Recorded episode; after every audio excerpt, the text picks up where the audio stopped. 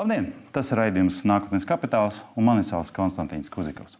Šajā raidījumā mēs runājam par to, kā var investēt naudu. Un mēs tikai runājam, bet es no saviem līdzekļiem arī katru nedēļu investēju naudu, lai pēc kāda laika savāktu pietiekami apjomīgu summu, lai manai meitai būtu uz ko aiziet uz augstskolu. Kopā ar mani šodien ir Raivis Vilons, Delfija biznesa žurnālists. Sveiki, Raivi! Labrīt! Un kopā ar mani šodien ir uh, Igors Danilovs, Svetbanka investīciju vadītājs Svetbanka fondos. Sveicināti, Igor! Jā, labrīt! Nu, ko? Šodien mēs runāsim par šī gada prognozi. Jo fondi beidza, investīcijas fondi beidza 2021. gadu. Daži atskaitīs par ļoti labiem rezultātiem, daži par vidējiem, bet principā 21. gads bija pietiekami labs. Pat daži var pateikt, ka ļoti labs. Kāds būs 22. gads? Tas ir lielākais jautājums. Un tieši šodien mēs par to arī runāsim. Bet pašā sākumā drusciņi par manu kapitālu. Tikai es tikko piebiedrojos pie mūsu raidījuma, tad es gribu viņam atgādināt, ka mans mērķis ir tāds. Desmit gadus es investēju 24,000 eiro, faktiski 2,000 uh, gada. Un, uh, es gribu panākt to, ka ar 8% ienākumu pēc desmit gadiem, uh, lai mans kapitāls būtu 36,000. Uz šo brīdi, godīgi pateikšu, neveicu pietiekami labi. Uh, jo mans kapitāls ir ar mīnuszīmi. Es gandrīz jau pazaudēju 5%. Bet līdz ar to, ka es investēju ilgtermiņā, tad es domāju, ka viss būs kārtībā. Kā gāja ar manu portfeli par šo laiku? Te ir redzama sarkana līnija. Tas ir tā, kā performē mans portfelis jau sākot no septembra, tad, kad es veicu pirmo investīciju, un es speciāli sevi salīdzinu ar SP 500 indeksu. Nu, man ir jāatzīst, ka ne, pagaidām vēl neesmu veiksmīgs investors. Bet tam arī ir viens iemesls, ka es investēju ne tikai amerikāņu akcijas, bet arī citus tirgus. Un viena no akcijām, par kuru mēs tūlīt runāsim, ļoti saboja manu portfeli. Šeit ir uh, 16 akcijas, kuras es investēju. Puse no viņiem performē labi, viņiem ir pozitīva tendence, bet puse ir negatīva. Un divi mani antivāroņi ir New York Times un Tinkoff Bank. Jo ar Tinkoff Banku, kā jau vairākas reizes pateicu, man nepaveicis. Es nopirku tieši visdārgākā, visaugstākā brīdi, un tagad Tinkoff Banka jau gandrīz pazaudē pusi no savas vērtības. Un interesanti lieta, tad, kad mēs runājam par Tinkoff banku un par New York Times, par maniem antivaroņiem, ir situācija tāda, ka abas, abi divi uzņēmumi uh, burtiski uh, divu nedēļu laika paziņoja par to, ka viņi nopirks uh, pietiekami interesants uzņēmums. New York Times pateica par to, ka viņi nopirka The Athletic, tas ir vadošais pasaulē sporta izdevums, digitāla vide ar vairāk kā vienu miljonu abonentu. Un, uh, līdz ar to New York Times izdosies pelnīt savu abonentu bāzi. Un es to, ka bija pietiekami labs darījums, tad tirgus noreaģēja negatīvi uz to visu. Un Tinko Banka pagājušajā nedēļā arī paziņoja par to, ka viņi nopirks uh, no Šveices kriptovalūtu biržu, lai viņi varētu piedāvāt visām klientiem uh, iespēju investēt arī kriptovalūtas. Un arī tirgus arī uz šo uh, reaģēja negatīvi. Tā kā interesanti, ka tās tie uzņēmumi, kas attīstās visstraujāk tieši pēdējā laikā, rada vissliktāku rezultātu. Bet uh, es neplānoju tuvākā laikā šķirties no šīm akcijām, tāpēc es ļoti labi saprotu, ka ir jāpērk tāda, ka ir lēti, nevis tāda, ka ir dārgi. Nu, kopumā, ja mēs paskatāmies, tad pusi no akcijiem iet uz augšu, pusi no akcijiem iet uz leju. Man ļoti liels prieks par uh, Royal uh, uh, Shell uh, akcijiem par to, ka tad, kad faktiski es nopirku šo akciju rudenī, septembra beigas, kad tika paredz pirmās baumas par to, ka Eiropa visticamāk būs enerģetiska krīze un tieši gāzes uzņēmumi vai uzņēmumi, kas nodarbojas ar gāzi, viņiem akcija izaugs. Pirkums notika septembrī, septembra beigas, oktobra sākuma. Un tad nākamais, ko es ieraudzīju, ka šī akcijas tieši otrādi nokrīt. Bet tagad, tad, kad mēs esam ziemu vidu, tad redzam, ka ļoti labi tas akcijas aug. Kā jau arī pateicu, puse no akcijiem iet uz augšu, puse uz akcijiem iet uz leju. Interesanti lieta, ka vīza, manuprāt, tūlīt arī sākas pozitīva. Un, uh, mēs ieraudzījām, ka tieši 8 pret 8 ir mana portfeli. Nu, ko, tāda bija manas akcijas, un tā veids ar manu portfeli pašu laiku. Kas tālāk? Mēs redzam, to, ka SP 500 indeks samazinājās īpaši pēdējās dienas.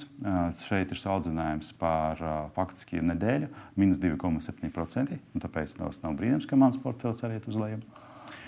Un viens no tādiem lielākiem notikumiem, kas notika, ir tas, ka mm, profesionāli investori sāk šķirties no tehnoloģijām sāk šķirties no Microsoft, Apple, Amazon un, un pārējiem akcijiem un sāk finansēt vairāk un pārnest savu līdzekļus uz līdzsabiedrību, enerģētiku un ražošanu.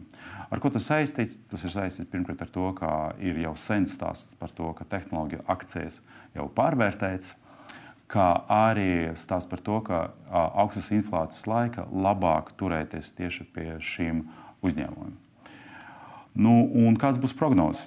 Ko mēs izdarām? Mēs paskatījāmies dažādus avotus un apkopojam informāciju par to, kā dažādas bankas prognozē šo gadu. Interesanta lieta ir tāda, ka mm, ir pietiekami būtiskas atšķirības starp prognozēm. Ja mēs sakām par Bank of Mineral, kas saka par to, ka uh, indeks izaugs līdz un, uh, šogad decembra beigas, tas būs faktiski 13% klāt pie to, ko mēs redzējām uh, pagājušā gada decembrī. Uh, Tātad, piemēram, JP Morgan saka par daudz mazāku pieaugumu, bet Stanley, Banka Stanley saka par to, ka vispār būs kritums. Uh, uz šo brīdi gribu atgādināt par to, ka mēs īstenībā uz šo brīdi ir starp uh, 4,4 un 4,6. Igor, man pirmais jautājums jums. Kā jums, ar ko mēs pabeigsim, ar ko SP 500 indeks pabeigs šogad? Vai būs uh, pieaugums aptuveni ar diviem cipriem, vai būs kritums, vai būs aptuveni nulle. Paldies par jautājumu. Nu, pirmkārt, varbūt pāris vārdus par sevi. Es, es pārstāvu Svetbanku grupu, tas ir Svetbanku grupas pārvaldīšanas uzņēmums. Mēs pārvaldām vairāk nekā 100 miljardus eiro aktīvu vērtību grupas līmenī. Mēs esam kā lielākie aktīvu pārvaldnieki Zviedrijā, tā arī lielākie aktīvu pārvaldnieki Baltijas valstīs. Uh, Un, jā, mums tieši ehm, vietējiem Baltijas pārvaldniekiem eh, ir bijis eh, nesen bija, ir bijusi investīciju komiteja, kur mēs izlēmām, eh, ko mēs darīsim šogad, 2022. gadā. Mums izveidojam, mēs izveidojam viedokli par šo gadu, un tad uh, viņš ir, tas viedoklis ir diezgan pozitīvs vēl akciju tirgiem.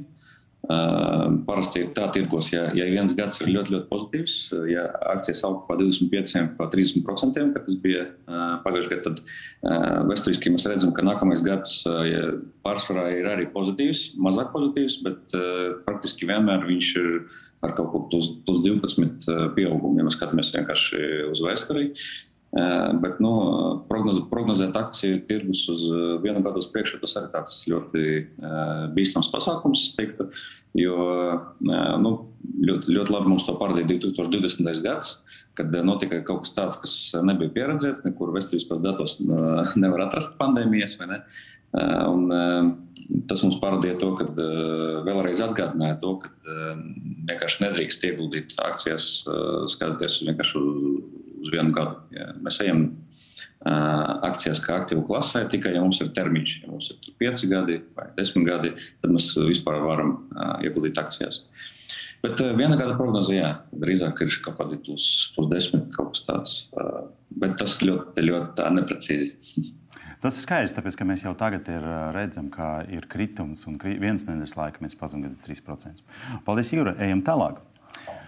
Un nākamais tas ir galvenie faktori, par kuriem runā uh, bankieri. Pirmā ir Covid, bet runājot par Covid, kas būtiski ietekmē uz loģistikas problēmām un loģistiku kā kopumu pasaulē, tad mēs arī redzējām, to, ka tagad ļoti grūti nopirkt jaunu mašīnu, un, un arī drīz būs problēmas visticamāk arī ar kādiem telefoniem un visam tehnoloģiem kuru, un tehnikam, kur mēs izmantojam čipus.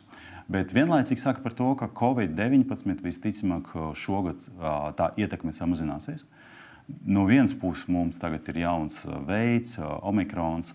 No otras, kas ir ļoti lipīgs, un to mēs arī redzam pēc cipriem, ne tikai Latvijā vai Baltijā, bet visa pasaule. No otras puses, uh, zinātnīgi saka tā, ka lielākā daļa no cilvēkiem tas paveids ir daudz vienkāršāk viņu, viņu, viņu pārslimot ar to. Tāpēc tiek prognozēts to, ka uz gada vidu Covid mazāk, mazāk ietekmēs uz vispār uz mūsu ekonomiku. Bet, protams, uh, mazāk nekā tagad, bet joprojām kāda ietekme saglabās. Bet tagad ir lielāka problēma. Lielāka problēma ir inflācija. Jo, ja mēs runājam par inflāciju, tad šajā gadījumā mēs redzam to, ka darbinieku deficīts, īpaši Amerikā, ja mēs runājam par uh, SP 500. Un, uh, līdz šim centrālās bankas ļoti daudz iepludina naudas uh, tirgu, un tagad centrāla, Amerikas centrāla banka stāstīja par to, ka šogad trīs reizes plāno palielināt likmes. Tā kā sākas cīņa ar inflāciju. Un to mēs arī diemžēl redzam uz savu māku, kad mēs skatāmies, kādas rēķini mums nāk par elektrību, gāzi vai, vai par citām lietām. Igor, nākamais jautājums jums. Kā jums liekas, vai šogad vēl ir kaut kādi negatīvi faktori, par kuriem mums ir vērts padomāt, tad, kad mēs plānojam savas investīcijas? Ja, nu, es domāju, ka jūs atzīmējat ļoti labus uh, faktorus. Uh, tieši tā, es domāju, ka Covid šogad aiziet, uh, nu, vajadzētu būt tā, ka viņš jau aiziet pagātnē. Un tas ir tas tieši, kas notiek šogad, no gada sākuma. Tad, uh, tie sektori, kas vairāk saistīti ar Covid, kas pelna no Covid, tie arī ir zaudētājos. Šogad no nu, arī tirgus tā domā, ka ir viss ir Covid stāsts ir beidzies, mēs esam saslimstības pīķī, tad līdz ar to nu, visdrīzāk vairs nebūs mums tirgos problēmas tieši, tieši no paša Covid. Jā, inflācija ir problēma. Un, Pats par sevi tas likmes pieaugums ASV centrālā banka visdrīzāk cels šogad likmes tur 3-4 reizes, bet uh, Pats par sevi, es domāju, tas, tas īsti daudz neko nedod, jo parasti, kad centrālās bankas sāk celt likmes, tie ir vēl labi gadi. Tad tie ir vēl izaugsmes gadi, gan akciju tirgos, gan ekonomikā. Kad jau ceļ dažus gadus, tad, tad jau var parādīties problēmas un, un biznesa cikls var beigties. Es domāju, drīzāk problēma ir tajā, ka viņi paziņoja nesen, liekas, divas, divas nedēļas atpakaļ, ka jā, domā samazināt uh, bilances apjomu. Tas ir tas diezgan domāju, lielākais risks šogad. Jo, ja mēs atceramies 2018. gadu, kad viņi kaut ko tādu ne tikai paziņoja, bet arī ir sākuši darīt, viņi samazināja savu bilanci ar to, ka viņi pārstāja reinvestēt jau naudu, kas, kas nāca no obligācijām viņu bilancē, kas, dzē, kas dzēšās. Tas beidzās vienkārši ar akciju tirgus kritumu par 15%. 2018. gadā, un tad uh, viņi pilnīgi, pilnībā pamainīja savu, uh, savu politiku uz pretēju. Viņi atkal sāka mazināt likmes, atkal sāka palielināt bilances apjomu. Līdz ar to uh, es domāju, es domāju ir svarīgi jāskaties uz centrālām bankām, ko, ko tas, tas darīs. Bet nu, tas, kas nav minēts slaidā, es domāju, viena no lielākām problēmām šogad ir Ķīna.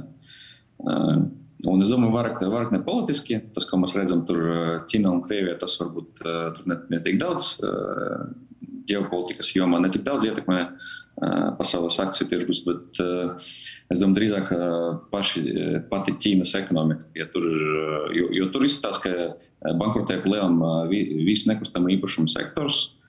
Tur jau ir bankrotē ķēdes, tur bankrotē gan attīstītāji, gan celtniecības uzņēmumi. Ar ko tas var beigties, nu, neviens nevar zināt. Pagātnē ir bijis tā, ka Ķīnas valdība ļoti labi, katru reizi ļoti labi izglāba visus. Nu, arī tāpat kā riet, rietumi, drukājot naudu un vienkārši palīdzot gan bankām, gan, gan citiem sektoriem.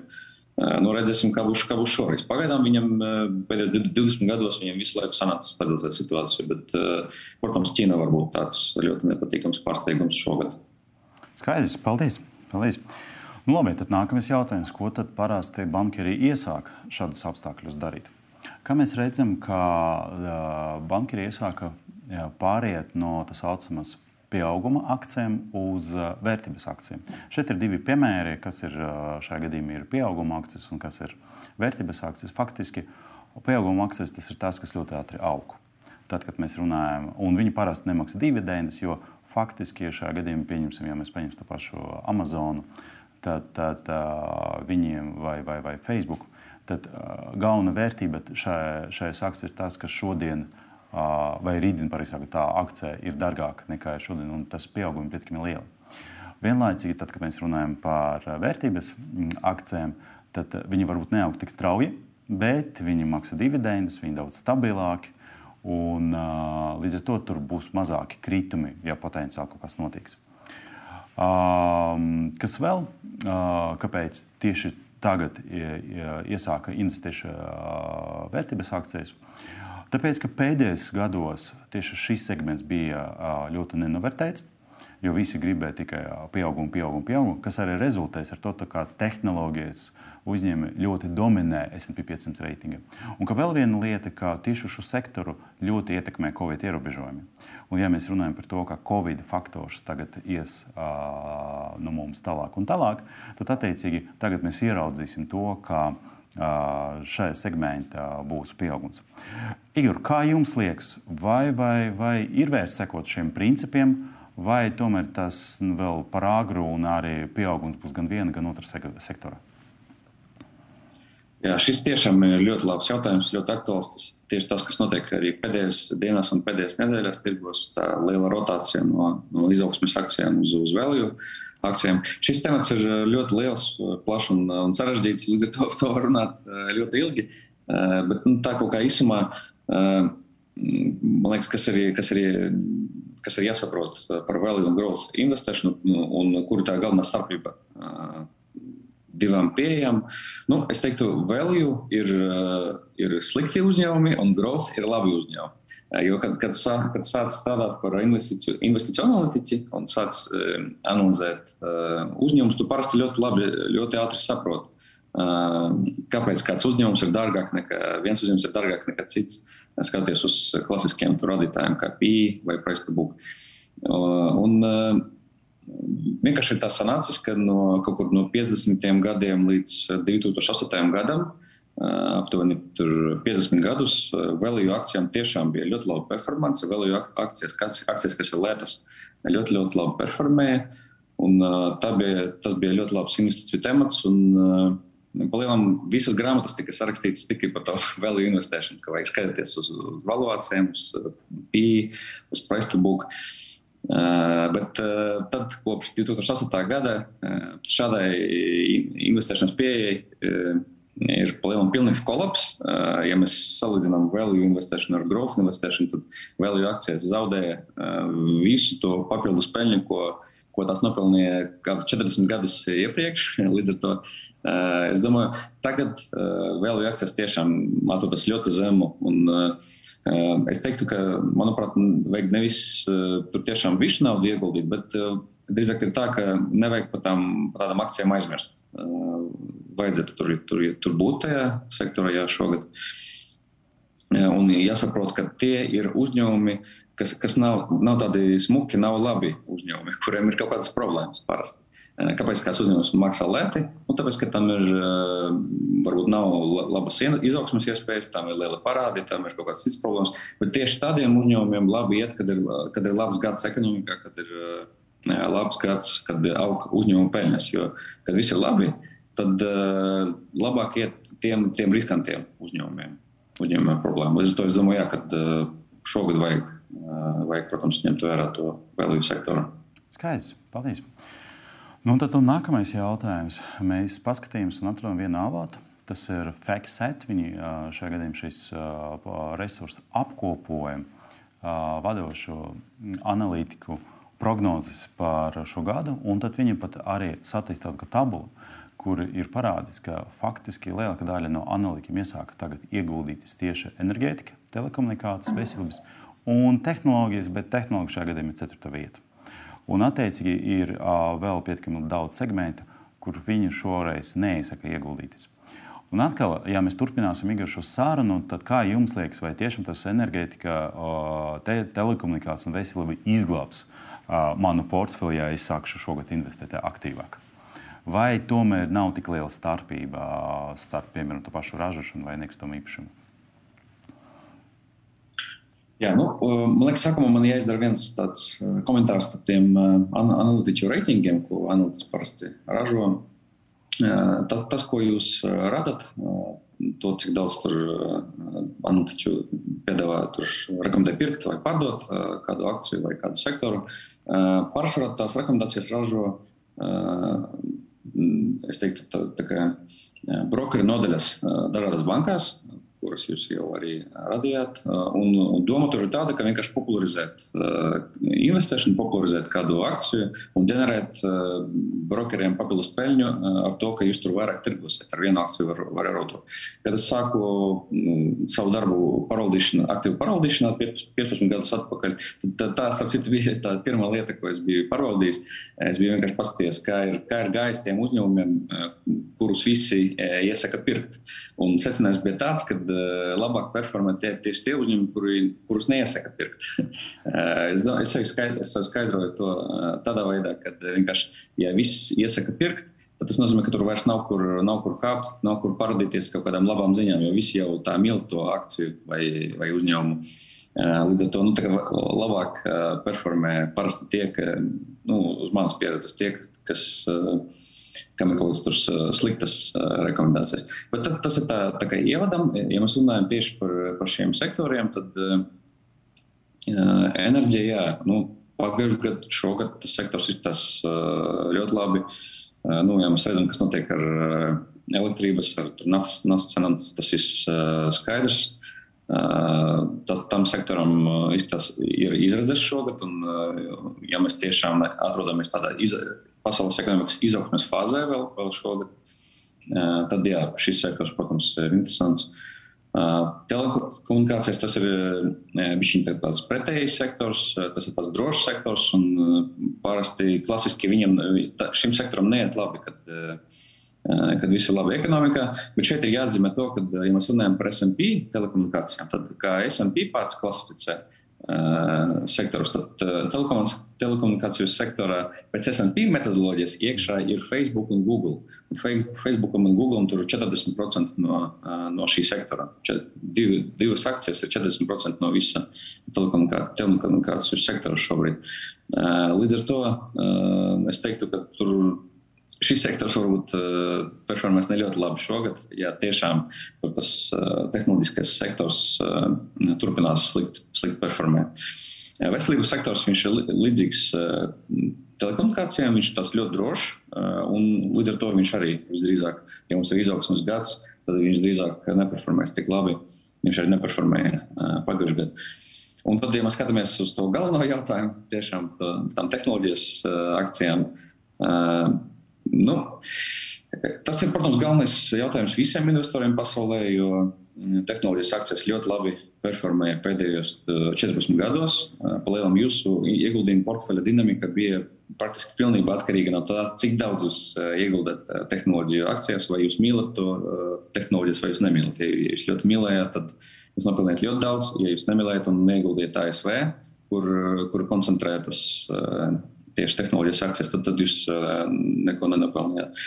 Nu, tad es domāju, īstermiņā tehnoloģijām izskatās tiešām ir tā, tā slikts moments šobrīd. Un, un tas nu, man pašam liekas, ka drīzāk turpinās krist, jo vienkārši ļoti stipri izauga.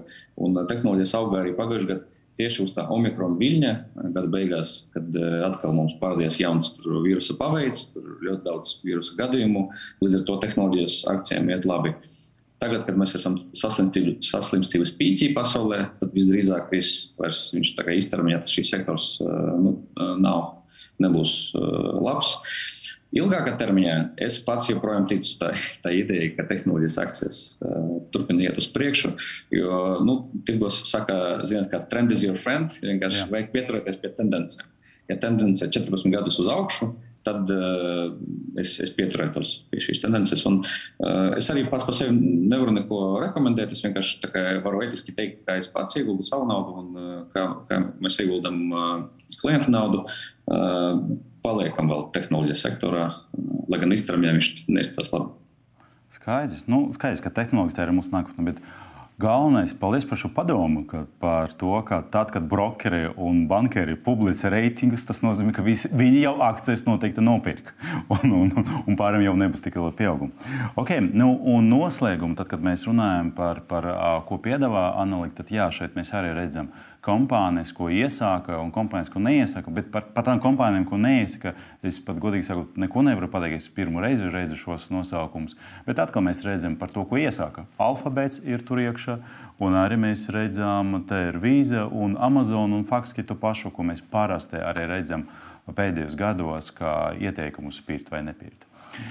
Nu, un noslēguma, noslēguma. Trīs, trīs, trīs lietas. Ja mēs nerunājam par to, kādas segments un tā tālāk, ir jāpievērš uzmanība tam, kā, ko, ko saka analītiķi. Pērstat pandēmijas un inflācijas kārtu uzņēmuma akcijas.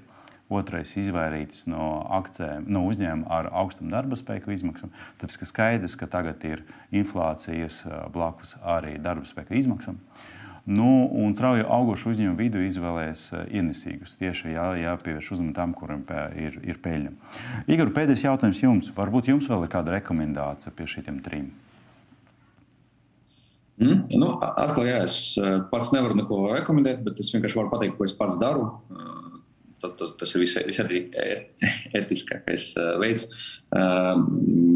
Jā, šogad jūsu rekomendācijas, man liekas, ir diezgan labas. Arī šogad pieturamies pie cikliskām akcijām, pie kopumā arī paliekam tur akciju tirgu, lai gan viņš ir svarstīgs. Bet tomēr tā, tas ir tāds nu, vienīgā aktuāla klase, kas ilgtermiņā var kaut ko, kaut ko jums iedot. Nu, tas ir tas, ko mēs darām savos portfeļos, un arī es daru ar savu naudu. Palieku arī tehnoloģijas sektorā, lai gan, kā jau teicu, viņš ne, neizskatās labs. Nu, kaut kā tā. Uh, paldies, Igor! Tas bija raidījums Nākotnes kapitāls. Šodien mēs runājam par to, kāda būs prognoze. Paldies Igoram Danielam, Svetbankas investīciju vadītājiem Svetbanka fondos. Un tiekamies jau nākamnedēļ, kad mēs runāsim par Baltijas tirgu, par to, vai ir vērts investēt Latvijas, Lietuvas un Igaunijas uzņēmumus. Paldies visiem un tiekamies jau pēc nedēļas!